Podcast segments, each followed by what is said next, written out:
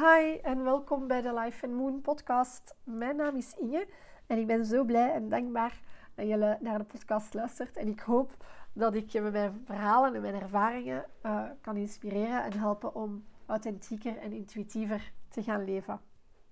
Ik zou het super hard appreciëren dat, mocht je de podcast leuk vinden, dat je zou uh, de podcast liken op de app van Spotify of van Apple.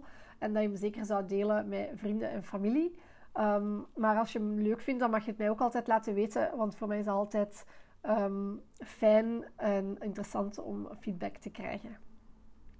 Vandaag wil ik het hebben over um, een ervaring die ik gehad heb deze week.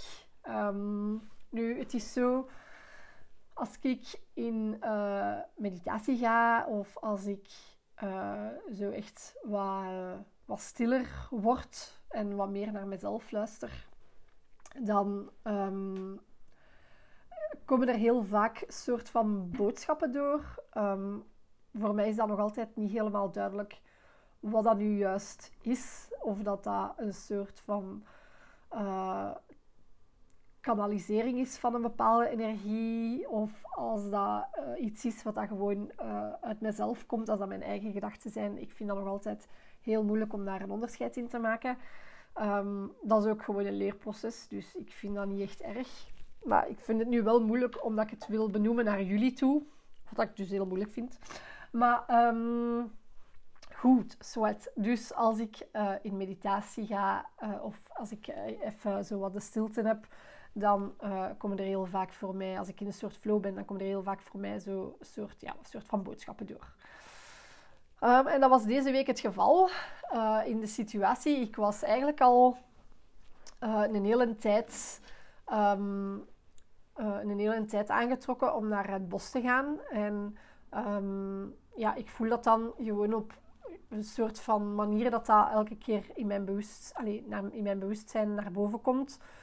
dat ik daar dan heel vaak moet aan denken, terwijl het er eigenlijk geen reden is om daar naartoe te gaan. Dat ik ook niet echt van plan was om naar mijn eten naartoe te gaan.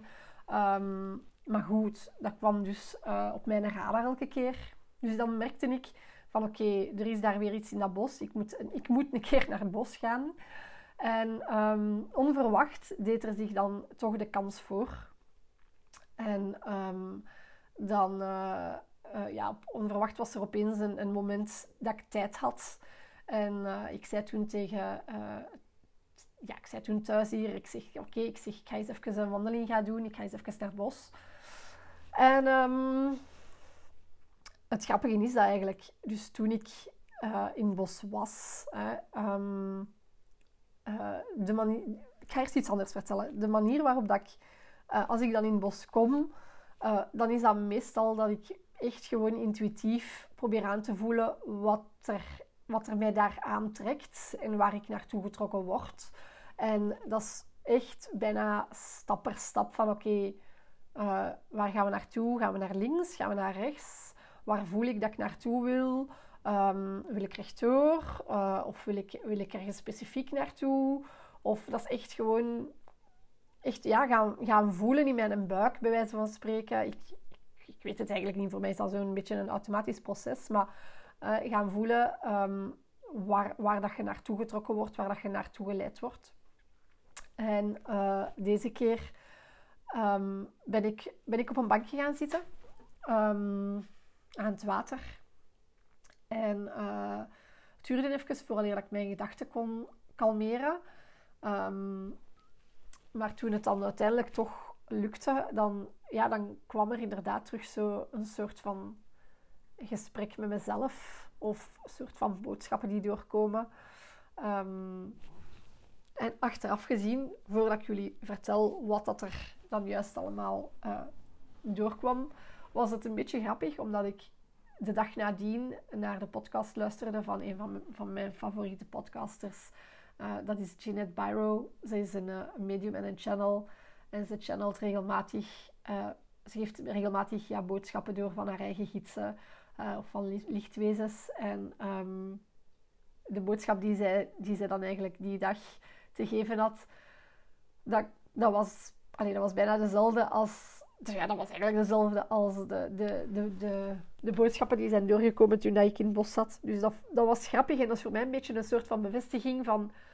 Oké, ja, het klopt, weet je. Het is niet zomaar iets wat, dat ik, wat dat ik verzonnen heb. Uh, dat, dan is dat meestal voor mij een teken van... Oké, hier is toch wel even weer iets meer aan de hand. Um, maar goed, dat terzijde. Uh, het, het, het was zo dat ik de, de boodschap die voor mij doorkwam, of de, het, gesprek in mijn hoofd, of hoe dat je het ook wilt noemen, dat, um, dat ging over intuïtie en over verbinding maken met, met, jezelf en hoe vaak uh, uitleg en oplossingen, hoe, hoe vaak wij eigenlijk buiten, buiten onszelf oplossingen en uitleg zoeken. En dat we eigenlijk meer moeten luisteren naar ons lichaam naar onze intuïtie, naar onze eigen innerlijke wijsheid. Um, want die is voor iedereen uniek. En dat het dus geen zin heeft om naar uh, algemene oplossingen te gaan zoeken, omdat die vaak, ja, een oplossing is niet voor iedereen altijd uh, dezelfde. Um, en ook wat, dat, wat dat ook heel sterk naar, naar voren kwam, was dat wij eigenlijk heel vaak de oplossing buiten onszelf zoeken en beroep doen op tools. Um, maar dat is ergens normaal, want dat is wat we geleerd hebben. Hè? Dus, dus al generaties lang is ons geleerd om vooral niet onze eigen intuïtie te gaan vertrouwen, niet onze eigen ideeën te gaan volgen, maar vooral naar te gaan luisteren uh, van wat de, de, de, machtige mannen meestal zeggen. Hè? De dokters en de pastoor in de tijd. Ehm, de burgemeester, allee, de, de machtige mensen, uh, die wisten het altijd beter en daar moest dan naar geluisterd worden. En zeker, uh, ja, zeker als vrouw, iemand die andere ideeën had, die werd uh, weggewuifd um, in het beste geval.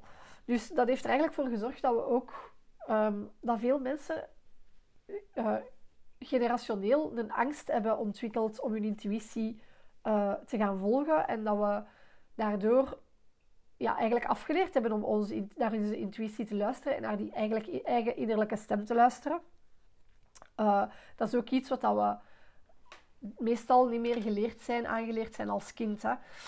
Um, en, en zelf, ja, zelf op school is het luisteren naar de juffen en luisteren naar de regeltjes. Maar luisteren naar je eigen innerlijke stem, dat is niet iets wat dat we standaard leren.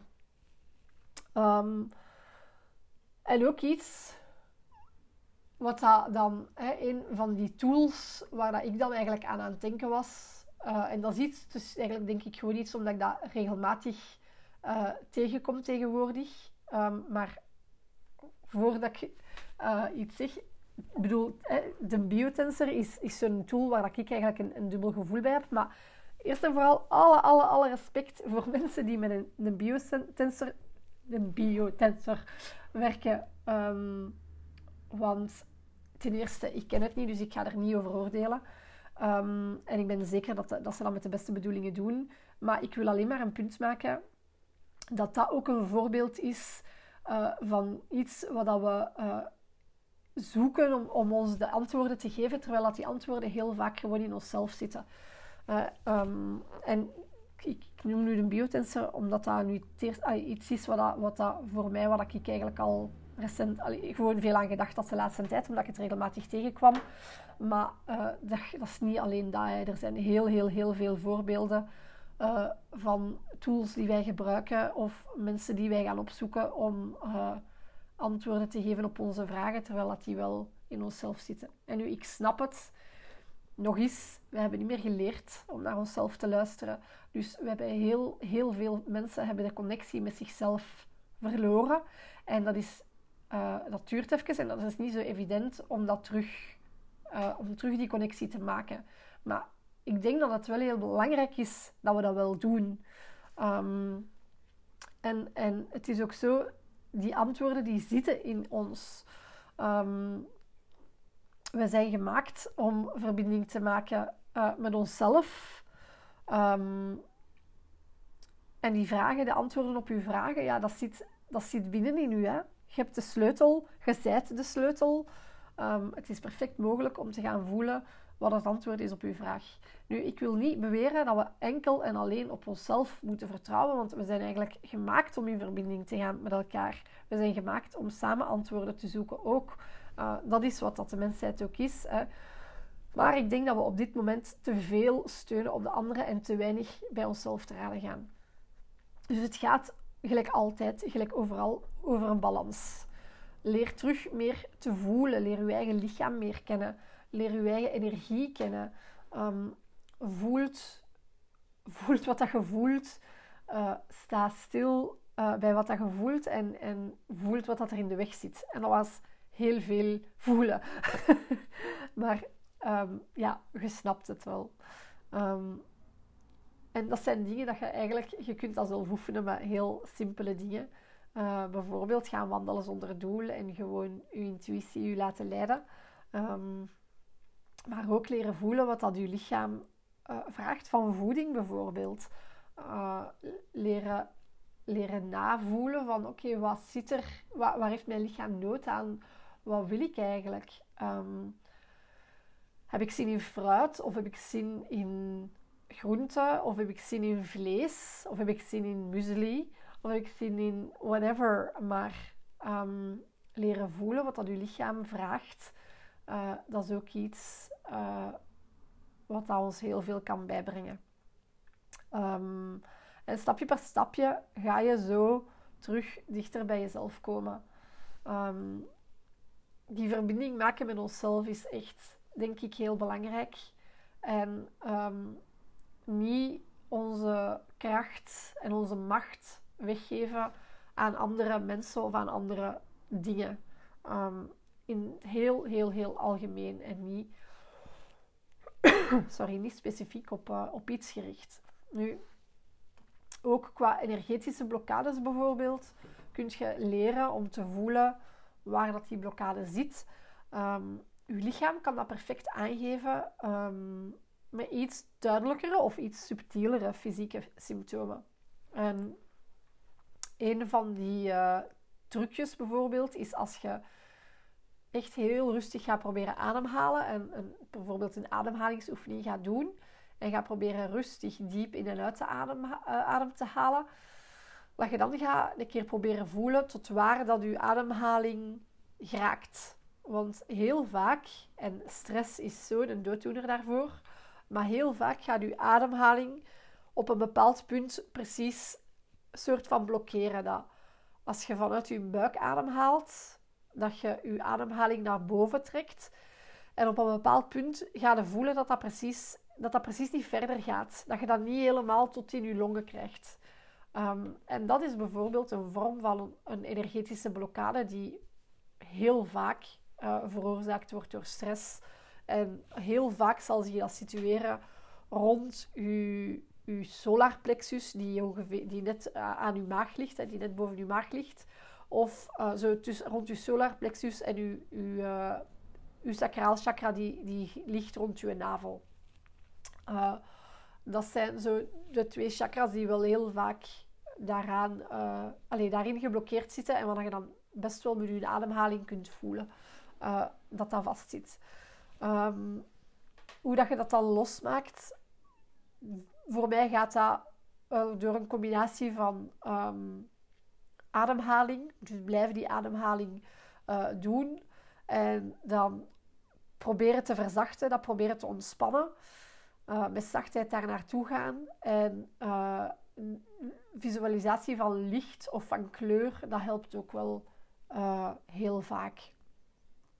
Maar dat zijn dingen dat je eigenlijk best zelf uh, wat mee experimenteert en wat probeert. En uh, wat kijkt wat dat er voor jou het beste werkt. Um, maar de boodschap was hier dus: You are your own most important tool. Jij bent de belangrijkste tool van jezelf.